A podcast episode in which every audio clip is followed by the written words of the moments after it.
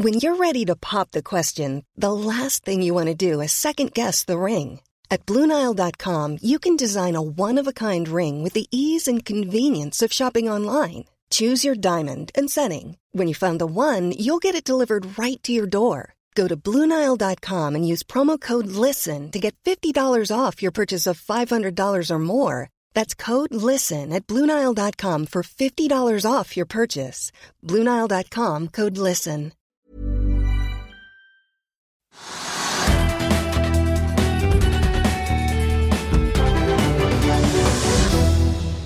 En eh, riktig god torsdag og velkommen til Økonominyhetene på denne 17. august. Mitt navn er eh, Marius Thorensen, og vi er inne fra Sparebanken Sør her i Arendal bare noen timer etter at Norges Bank som ventet annonserte en renteøkning på 0,25 opp til 4 blank, og varslet at det trolig ligger i kortene enda en økning allerede på rentemøtet i slutten av september. Men akkurat denne sendingen blir rentefri fra nå av. Vi kommer nemlig med en egen bonussending, rentebonus om du vil, nå i ettermiddag, der vi både snakker med sentralbanksjef Ida Wolden Bakke og også Sparebank Sørs nye sjeføkonom, og får vi si tidligere statssekretær i Finansdepartementet Tore Vamrok. I denne sendingen så er det fly og batterier som gjelder. Vi skal nemlig høre fra både Norwegian-sjef Geir Karlsen og får vi si Arendals batterikonge, også kjent som konsernsjef i Morrow, Lars Christian Bakker, som har mange forhåpninger å leve, å leve opp til fremover.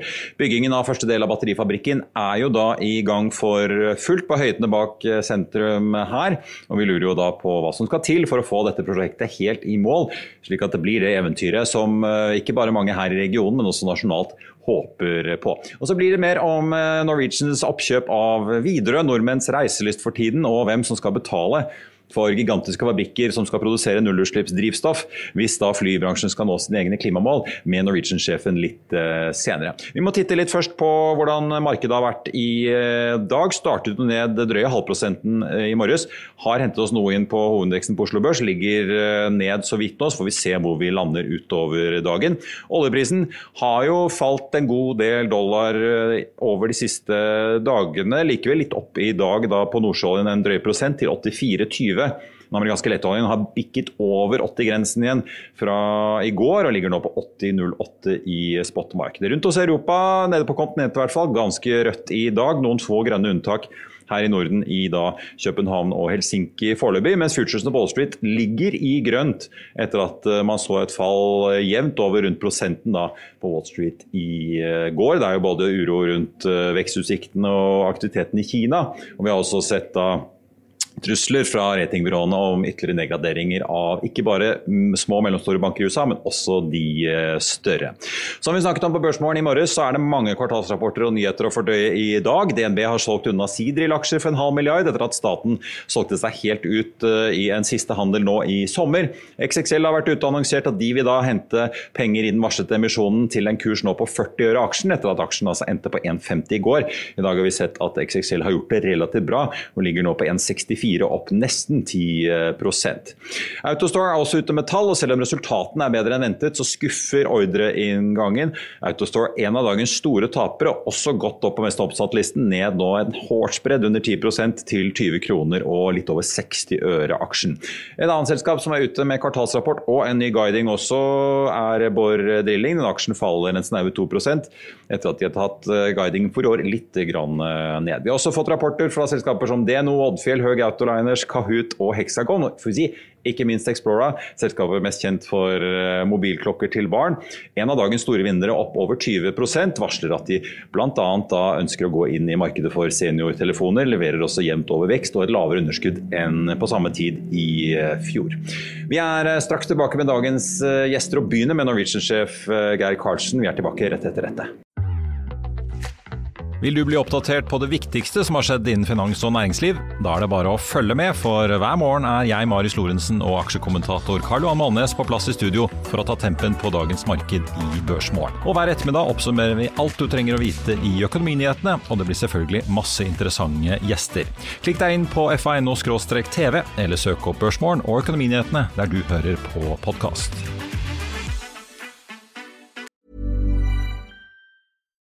One size fits all seems like a good idea for clothes until you try them on. Same goes for healthcare. That's why United Healthcare offers flexible, budget friendly coverage for medical, vision, dental, and more. Learn more at uh1.com. I'll see you in court. Vi sier det ofte litt på spøk, men for deg som driver business, er det aldri moro å innse at du ikke har laget en 100 gyldig kontrakt. Du bør ikke risikere hele firmaet ditt fordi du synes dette med kontrakter er litt stress. En avtale er ikke en avtale. Du kan miste kunder, miste venner, ja, til og med miste inntekter om du ikke lager en skikkelig kontrakt, på alt mulig, egentlig. Men vi vet det er et styr, kopimaskiner, tregprinter og haugevis av papir. Dessuten stoler vi jo på folk her i landet. Det er ofte litt kleint å skulle be om en signatur for alt mulig, ja, for mye av styret handler også om jakten på underskriften.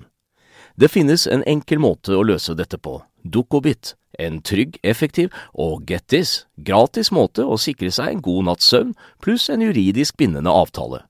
Dukkobit-appen har de strengeste sikkerhetskrav i bunn, samt en EU-godkjent og sertifisert teknologi. Framover vil det bli behagelig å spørre du, skal vi skrive under på det, eller? Kom i gang på dokobit.no.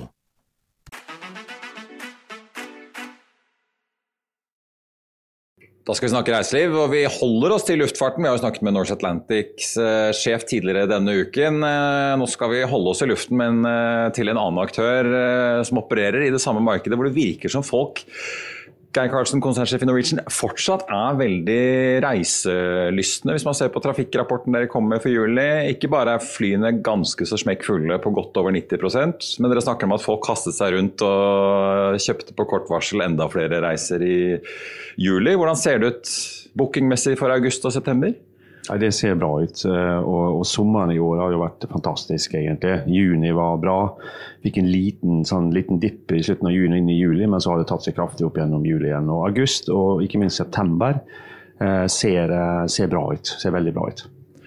Vi fikk en renteøkning fra Norges Bank i dag som de fleste hadde ventet. Likevel, det virker som reiseliv er en veldig seig sektor hvor forbrukerne foreløpig ikke har kuttet. Vi ser store kutt som rammer varehandelen.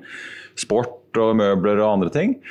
Er det noen tegn til en oppbremsing, sånn som dere den? Nei, vi har ikke sett det så langt, eh, må jeg si. Og, og eh, klart Nå er jo bookingkurven fortsatt relativt kort, så det er lite visibilitet hvis vi begynner å snakke oktober, november, desember. Og vi vil nok også i år eh, redusere kapasiteten nå inn i vinteren. det vi vil gjøre. Men, vi, men, men det vi nå ser, er at eh, bookingen er egentlig bra.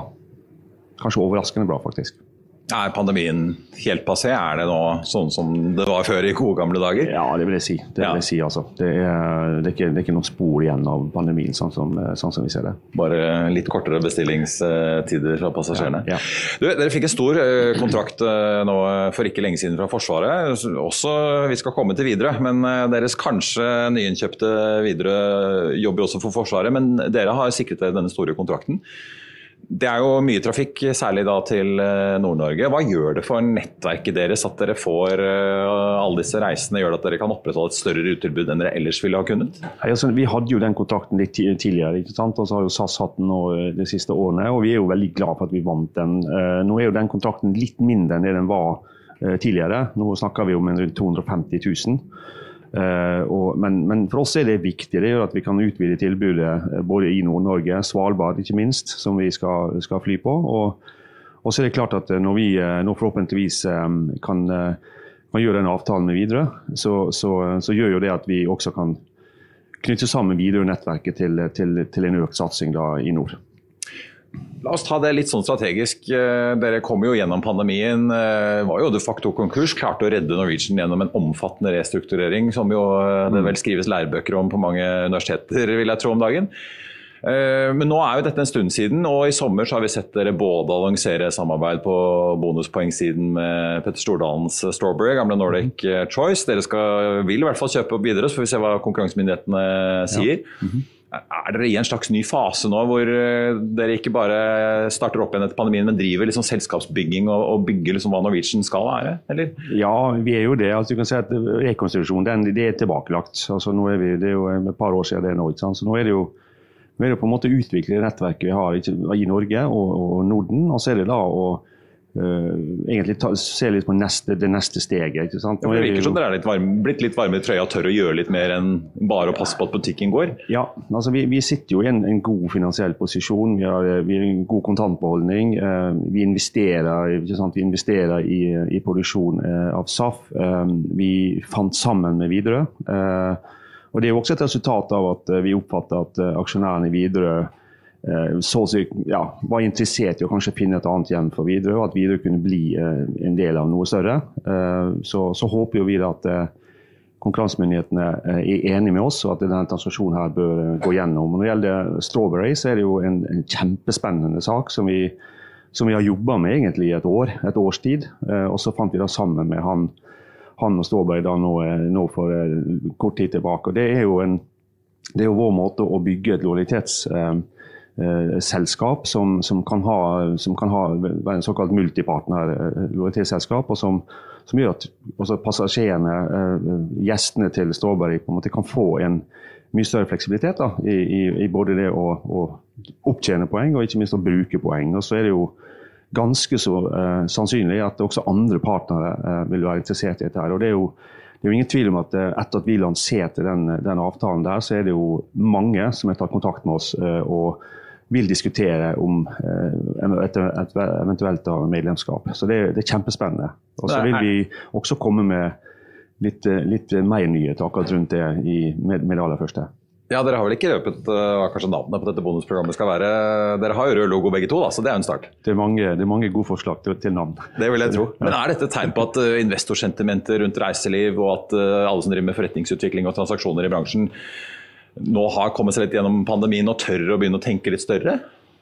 Ja, det, det, det tror jeg nok. Eh, men vi er jo ikke fornøyd med utviklingen av vår egen aksjekurs. Eh, hvorvidt det på en måte er en refleksjon av at han kanskje er bekymra for den kommende vinteren og, og, og neste år osv. I, i, I sammenheng med at du har inflasjon, du har renteøkning osv. Det, det er jeg usikker på. men det vi må bare sørge for å, for å, gjøre nå, det er jo bare levere gode resultat. Uh, og, og, og, 2023 vil komme til å bli et godt år for Norwegian. Uh, uh, og vi, vi, er jo egentlig nesten ferdig med 2023, sånn som jeg tenker nå. Så nå er det egentlig 2024 vi, vi, vi jobber mest med.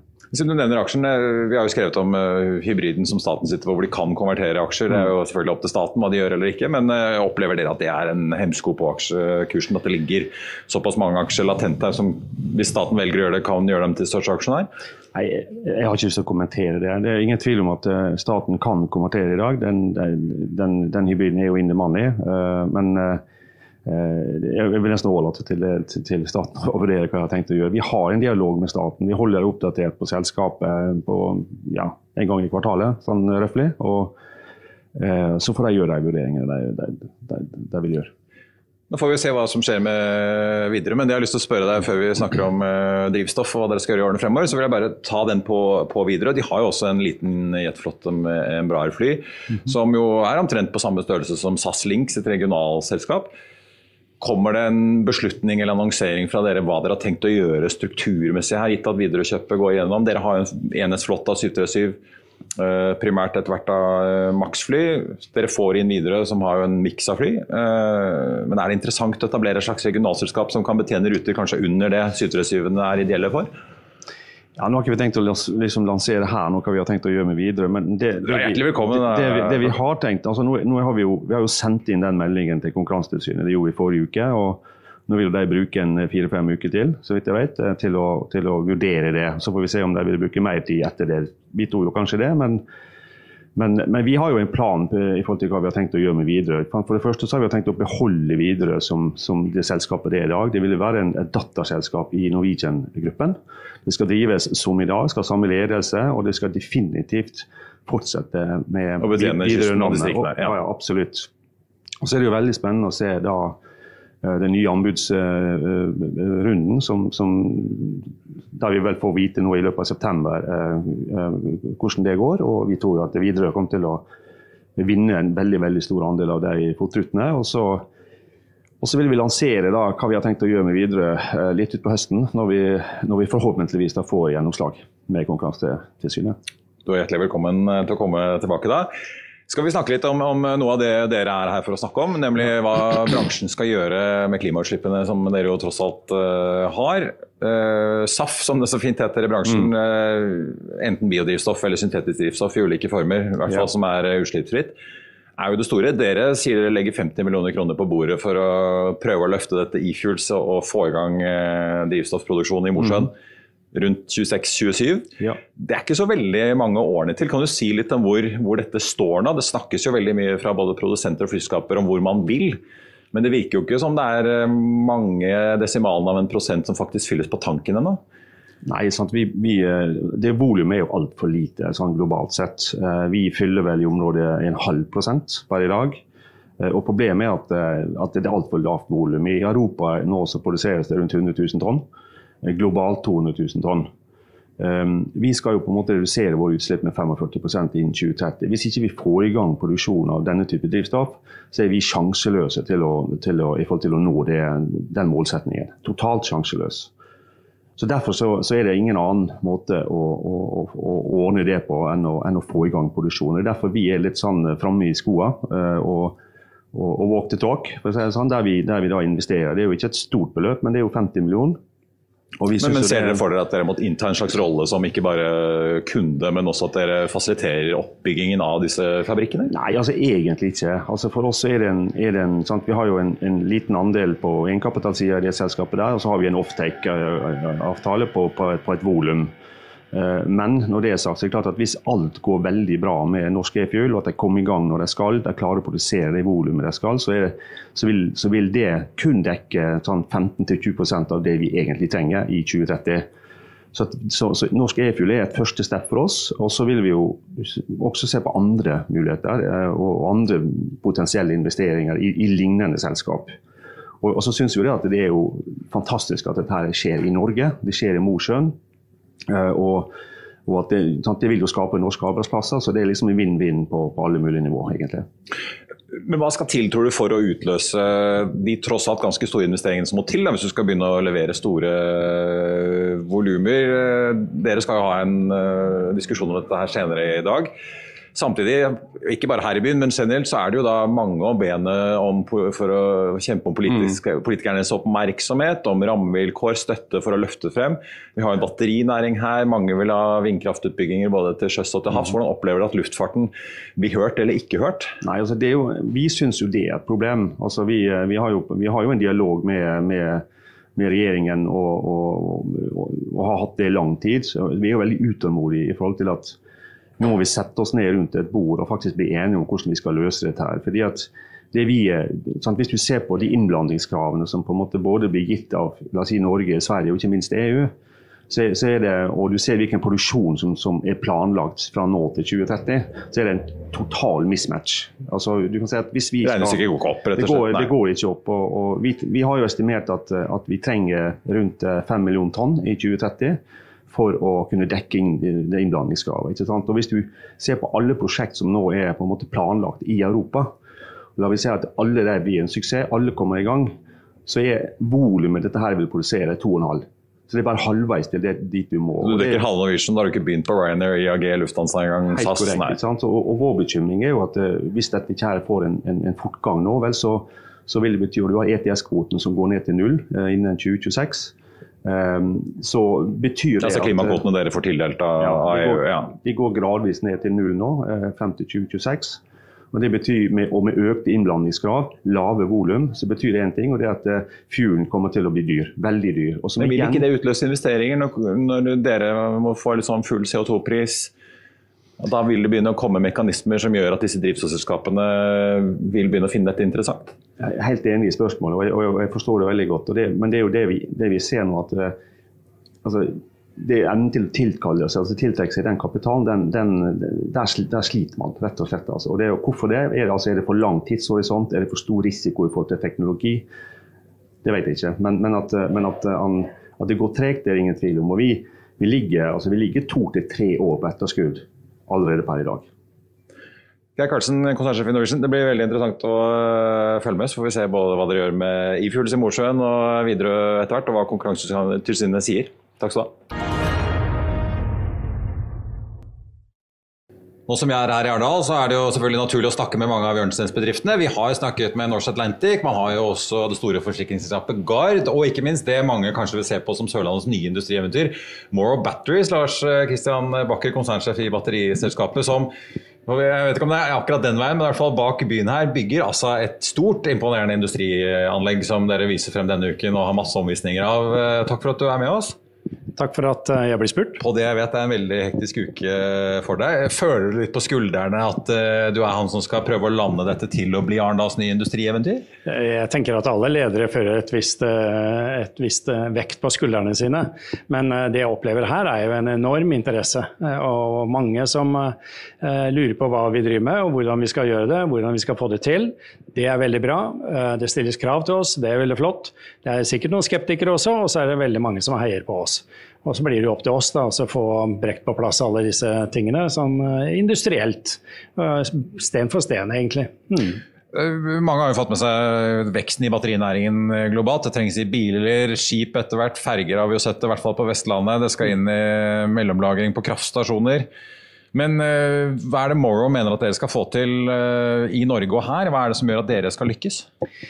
Nei, for det første så tenker jeg at uh, Norge passer utrolig bra til noe som er så vanskelig som å produsere batterier. Dette er ikke lett, dette er krevende. Men dette spiller jo på styrkene til Norge. Vi har fagarbeidere, ingeniører i verdenstoppen.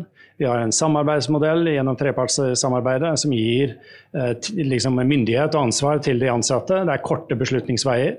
Uh, det at vi er litt uh, høykostland i forhold til lønn, uh, gjør jo at vi har en større grad av automasjon enn mange andre. Uh, og det å få en god leveranse, både kvalitet, men også lav feilrate på det vi produserer, det har utrolig mye å si for lønnsomheten. Så dette er lønnsomt. Det er ikke derfor vi snakker om at vi trenger statlig bidrag for å bli lønnsomme. Dette er allerede lønnsomt gjennom det vi nå bygger. Ja, la oss eh, ta litt sånn før vi kommer til det, hvor dere er nå. Da. Dere har jo satt i gang byggingen av et batteriforskningssenter i Grimstad. Prøveproduksjonen av battericellene er jo godt i gang med i Korea. En yield på 86% som jo betyr jo at snaue 5% blir kastet, da, men likevel. Dere er veldig fornøyd med resultatene. Mm. Men hvorfor ikke bare produsere dette i Korea? Nei, altså, jeg tenker som så... Er det en fordel å produsere det i Europa? Ja, absolutt. Det er eh, et eh, rop i Europa etter eh, europeisk produserte batterier. Så etterspørselen er der, og til og med en vilje blant mange til å betale litt mer for å få dette på plass. Og dette har jo med en, en derisking, en diversifisering av deres forsyningskjeder å gjøre. Så, så det er viktig. Og så er det slik at vi har ren strøm. Det er viktig for mange, enda mer etter hvert som det nå går inn i de nye forskriftene fra, fra EU. Så dette får vi absolutt til. Forskningssenteret vårt det er på plass, det er tatt i bruk. Eh, der er det mye utstyr, eh, og litt mer skal på plass. Og så er det et av de få forskningssentrene i Europa faktisk, eh, som kan bygge eller teste litt større battericeller. Fordi det alle starter med, er disse små, runde, flate batteriene som du har i, liksom, i en ja, Kjøkkenvekten, holdt jeg på å si. Ja. Jo, jo, men det er jo det. Det er det du tester først. Og så skal du skalere derifra til noe som er mye større. På størrelse med den iPad-skjermen din, egentlig. Eller enda litt større. Og det er vanskelig. Men denne fabrikken vi har, eller forskningssenteret vi har der, kan lage pouches, altså sånne poser, som er et mellomsteg. Og eh, I løpet av dagen så går det ut en pressemelding Oi. om at vi har eh, noe på gang som er på, knyttet til andre generasjon eh, batterikjemi, eh, som vi kaller det. Som er eh, noe helt grensesprengende. Eh, så dette blir veldig bra. Mm. Det skjer jo mye, Vi snakket om det før vi gikk på luften her. Jeg vet ikke om Du får solgt inn til GM, som skal lage Cadillac Escalade med batteri på 200 kWt. Det er altså dobbelt så mye som en Tesla Model X. Det er jo virker som det kommer til å bli et enormt behov hvis du skal fylle alle disse bilene, trøkkene og ikke minst også båter og ferger. Bård Eker er jo her i byen og viser frem Nyell-fergen sin. Ja. Nei, og ikke minst i lagring i tillegg. hva? For å ta eh, disse strømtoppene. Når det ikke er sol, så må du sant, fortsatt levere strøm. Så det å lagre strøm eh, for mange av disse nye energiformene, det er kritisk for å ta ned den store infrastrukturkostnaden som det tross alt er, da, og kommer til å bli. Da. Så dette er eh, enormt spennende. Mm. Fortell litt om økonomien og finansen i dette nå. De som følger med på meldingene fra dere, husker at dere fikk et konvertibelt lån fra de fire mm. søstrene på nesten 600 millioner nå. Mm. Eh, i sommer. Mm. Eh, dere har jo da Å Energi. ABB Siemens, Mars Invest som store eiere. Mm har tilbudt de andre aksjonærene tilsvarende vilkår som kan gi 140 millioner. Mm. Jeg vet ikke om dere har fått inn det, men dere trenger jo også mer. For dere trenger vel en totalt, i hvert fall som jeg har notert, 4 eh, milliarder til første fase her? Ja, nå skal ikke jeg kommentere på de 4 milliardene. Eh, vi har reist eh, ca. 1,9 milliarder i egenkapital så langt. Det kom inn litt mer enn de midlene du refererte til, gjennom at egne ansatte også tegnet seg, inkludert undertegnede, på, dette konvertible lånet. Og så er det slik, en oppstartsfase som oss, så må vi hente penger fra tid til annen. Så det er ikke noe dramatikk i det. I det hele tatt. Men det som på en måte er litt utfordringen i dag, det er jo det at vi er, kommer til å bli et lønnsomt selskap. Vi ser allerede at på den fabrikken vi nå skal åpne neste år, som er Norges største første fullskala batterifabrikk, den blir lønnsom på en standalone basis. Ikke veldig stor margin, men tross alt positive tall. Eh, dette er et eh, spill om eh, volum. Så det er liksom go big or go home. Så vi må opp i skala. Og det skal vi få til her oppe. Og den eksportinntektene fra den samlede utbyggingen her oppe kommer til å beløpe seg til et sted mellom 40 og 45 milliarder kroner årlig. Vi snakker om Hydro sin eksportinntekter fra Hydro Norge sin industriproduksjon, hvis du holder kraft utenfor. Så Det er liksom litt bildet, størrelsen på det vi snakker om uh, å få til. Men Da vil jo mange lure på hvorfor da ikke bare du, men altså hele næringen hele tiden ja, trenger uh, det så fint Nei. som heter risikoreduserende tiltak? Ja, ja, og dette er veldig enkelt. fordi vi ber ikke om subsidier for å bli lønnsomme. i det hele tatt For å få dette til å liksom, regnestykket til å funke. Det ser vi på en del andre initiativer. Det er ikke det vi ber om alle har helt rett i det, at med et lønnsomt prosjekt Du har folk som har gjort det før. Du har areal, du har alle permits, du har, alle, du har strøm. Alt ligger til rette for å få dette til å bli lønnsom, god, godt eh, butikk. Privatkapitalen normalt sett vil være der. Hvis privatkapitalmarkedet fungerer. De gjør det ikke nå. ja, for dere, altså for batteri, fornybar generelt? Begge deler. Og ja. grunnen til det er jo mange av de initiativene du har sett fra Inflation Reduction Act, EU osv. som gir midler, og så kan man diskutere form og farge, da, eh, som gir midler for å få en fortgang i denne utviklingen. Og Da er fremmedkapitalen sitter der og sier ja, men skal jeg investere i de selskapene som får midler, eller skal jeg ikke gjøre det? Det er det som på en måte er litt hemskoen vår. Så vi trenger risikoavlastning fra norske myndigheter. Og det kan, jo, si, det kan jo designe på en sånn måte at hvis det er et lån, så får de renter, og de får igjen pengene sine. Hvis det er konvertibelt lån, så får de renter, aksjer, men de kan ta oppsiden hvis de konverterer til aksjer. Så, så, dette er jo, mener vi, en veldig god mulighet for å bygge noe som egentlig er å ta hele landet i bruk. Dette er å ta hele landet i bruk. Dette er utrolig viktig for mange kommuner rundt omkring i det ganske land. Mm. Men det er litt sånn festen var i gang på den siden av gaten, og så kommer Joe Biden og amerikanerne og har med enda større stereoanlegg og enda mer brennevin og starter fest på andre siden av gaten, egentlig. da. Ja, på en måte kan du godt bruke det bildet, ja. ja det mm. forstår på min uh, regning. Men si litt uh, om, om, fremdriften, da, for det virker jo ikke som det er mer enn tiden og veien her nå. Dere skal åpne første del av anlegget allerede på nyår i første kvartal, ja. og dere skal ta investeringsbeslutning på neste fase som uh, litt avhengig av hva slags type elbil man snakker om, da, men dere snakker om altså, en kapasitet som tilsvarer 230 000 000 elbilbatterier årlig mm. i denne eide 1. Mm. Er? Klarer, ja, men klarer dere Dette er jo svære det er beslutninger, det er masse kapital ja, som skal forpliktes. ja, men dette er veldig bra og veldig enkelt, eh, samtidig som det er komplisert. Eh, vi trenger eh, risikoavlastning for å komme over kneika, og så kan staten få igjen pengene sine, som jeg sa.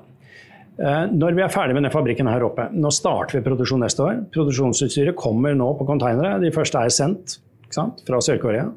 Eh, så skal vi montere dette og så starte opp. Eh, vi har forskningssenteret som allerede er i drift, og så har vi produsert 1000 batterier allerede. Vi har produsert 1000 batterier for kvalifisering. Og De første batteriene nå B-samples, LFP, som vi har produsert i Asia. Vi har en produksjonslinje i Sør-Korea som vi eier, som senere skal flyttes og puttes inn i den fabrikken her oppe. Eh, de har vi nå og tester. Måler liksom utvikler seg normalt. Og Hvis dette er med den kvaliteten som vi satser på at det er, så vil disse batteriene bli sendt ut til mulige kunder om ikke altfor lenge. Eh, så, så, dette vil fly på den måten. Den neste store fabrikken det blir prosjektfinansiering. Eh, kall det en syndikering, da. ikke sant? Så kommer bank 1 og så sier de, ja, vi er villige til å bidra med så mye, forutsatt at dere får andre til å dekke opp resten. Så går jeg til private og så, investorer osv., så, videre, så får du en miks av kapital, og alle er der. Og så sier de ok, nå har vi fått det vi trenger. Forutsatt, forutsetning nummer to at du har salgsavtaler. Forutsetning nummer tre at du har innkjøpsavtaler. Og når du har alt dette på plass, så vil vi bygge. Ja, for det er det jeg lurer på. og, og da vil jo dette være en kontrollert fasing av aktivitet og midler som gir lav risiko for uh, investorene og gjeldsytere. Ja, for det jeg lurer på da. Du har jo erfaring og vært uh, konserndirektør i Equinor for uh, både finansdirektør og internasjonal direktør. Du vet jo hvordan det er å håndtere sånne kjempestore industriprosjekter. Mm. Men Equinor er jo et enormt selskap med enormt mye kapital og, mm. og lånemuligheter i ja. bakhånd. Ja. Men når, når, du har kommet over fase 1 og du skal da gå for neste fase, og du har da kunder og innkjøpsordninger, mm. stiller du da egentlig likt? Spiller det noen så veldig mye rolle, eller eh, ja, altså, vil, et, vil, en stor aktør som Equinor ha en fordel i et sånt game? Når du snakker om at dette handler om størrelse? Nei, altså jeg tenker at det hadde vært veldig kjekt hvis ikke Equinor var villig til å Equinor som sådan, men ja, jo, jo, stort industrikonsern, altså, har de noen fordel sammenlignet med, med Morrow, som tross alt ikke er et så stort selskap ennå? Nei, altså jeg tenker at uh, Equinor må gjerne investere hos oss, uh, i sammen med en del andre. Uh, men det vi tenker her er at jeg er jo i dialog med mange som sier at ja, men kom tilbake når det kommer til den store fabrikken. Fordi den ticketen, den billetten som dere ber om nå, den er altfor liten. Minimum billettstørrelse for oss er 500 millioner dollar. Mm. Jeg trenger bare én sånn, jeg. Ja. Sammen med X-Fin på 400 millioner dollar, og så litt til, så er jeg fullfinansiert på den første store fabrikken. Altså den neste, da. Og det de investerer i, det er jo den reisen vi er på. Vi er et uh, selskap i en tidlig fase som kommer til å ha multiples framover, som jo er kjempegode. Det er den de vil være med i. ikke sant? Og Det er jo den oppsiden som vi også inviterer staten til å være med på, da, hvis de da velger til slutt å komme med konvertibelt lån. Mm. Til slutt, eh, Vi har jo snakket litt om USA. Freyr og mange andre mm. flokker jo til USA, og ikke bare innen batteri. Mm. Innen mange ulike grønne sektorer som ble omfattet av IRA. Mm. Hvordan eh, ser dere nå på situasjonen for europeisk batterinæring? da? Føler dere at her kommer EU etter? på en måte? Ja, ja, EU har jo respondert ganske kraftfullt. Uh, og en del land som Tyskland, Frankrike, Spania osv. Ja, så det skjer også på landnivå? Ja, ja, ja, ja absolutt. Store pakker og store stimuli for å få dette til, og i Sverige også. så her er det det som er utfordringen for batteriproduksjon generelt i Europa og Nord-Amerika, det er at jeg tror at halvparten av disse prosjektene kommer aldri til å bli realisert. Av de som er annonsert i offentligheten? Som er annonsert ja. i offentligheten. Fordi? De har ikke folk som Nei. har gjort det før. Alle snakker om kapital, kapital, kapital. Jeg snakker også om humankapital, humankapital, humankapital. Og uten at du har hatt folk som har gjort det før, så vil du jo slite. Dette er krevende, dette er vanskelig. Og Det ser vi også på kapital som ønsker å investere. De er veldig Vis meg bemanningslista di. Hvem er dette? Hva har de gjort før? For vi ønsker å ha folk som har driftserfaring, forskningserfaring, innkjøpserfaring og nettverk. Alt dette her. Og gjerne liksom ja, det, det jeg kan bidra med, som er storindustri, ja. CFO, alle disse tingene. Så det er den pakken de er jo opptatt av, og de sier jo det at vet du hva, de fleste prosjektene de blir invitert til å være med i, har jo ikke dette, og de skygger unna. Så, så, dette er utrolig viktig. Så vi har vært flinke til å få folk til Norge. Og bygge opp et miljø i uh, Arendal? Det er jo en flott landsdel, så jeg skjønner folk, uh, at, godt at folk har lyst til å bo her. Det blir utvilsomt hvert fall et uh, godt supplement til leverandørindustrien for olje og gass, som allerede er stor på Sørlandet? Helt klart. Enorme store positive ringvirkninger for hele landet. Ta hele landet i bruk. Mm. På vegne av Arendal får jeg bare si lykke til, Lars Kristian Bakker. For jeg vet det er mange som følger med deg og dere og om dere lykkes med dette her. For da blir det jo ordentlig store greier. Mm. Vi skal opp og se på fabrikken litt eh, senere i dag. Det gleder oss til. Takk skal du ha. Bare én kommentar. Det er ikke om vi lykkes, men når vi lykkes. Takk. Og nå som jeg er ferdig med å prate både fly og batteri, så får jeg si at i Finansavisen i morgen så blir det faktisk mer om Norwegian, fordi oppkjøpsryktene de går jo nå. Og spørsmålet er jo da hvor lenge staten blir sittende på dette hybridlånet som kan konverteres til aksjer. Tiden vil vise. I avisen i morgen så kan du også lese Trygve Egnars leder om Rødts Mimir Kristiansson, som er på hyttejakt. Og så blir det mer om alle kvartalsrapportene som har kommet, og hvordan en storaksjonær fikk manøvrert seg unna en kjempesmell i XXL. Da er vi ved slutten av denne sendingen sendingen. Følg med i ettermiddag, for da er vi altså tilbake med en bonusepisode med sentralbanksjef Ida Wolden Bakke. og Den finner du da på fa.no-tv eller ved å søke opp Økonominyhetene der du hører på podkast. I morgen er det fredag. Det betyr at det blir Børsmorgen fra 08.55. Da er vi tilbake igjen i Oslo, og så blir det Økonominyhetene 13.30. Vi skal bl.a. snakke med Skatek-sjefen som kommer med sin kvartalsrapport da i morgen tidlig. Han kommer til Økonominyhetene. Så er det bare å følge med. Mitt navn er Marius Lorentzen. Tusen takk for følget så langt. Ha en riktig god torsdag. Vi ses.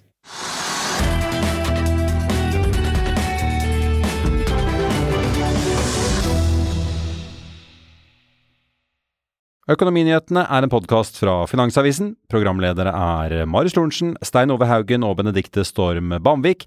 Produsenter er Lars Brenden Skram og Bashar Johar. Og ansvarlig redaktør er Trygve Hegnar.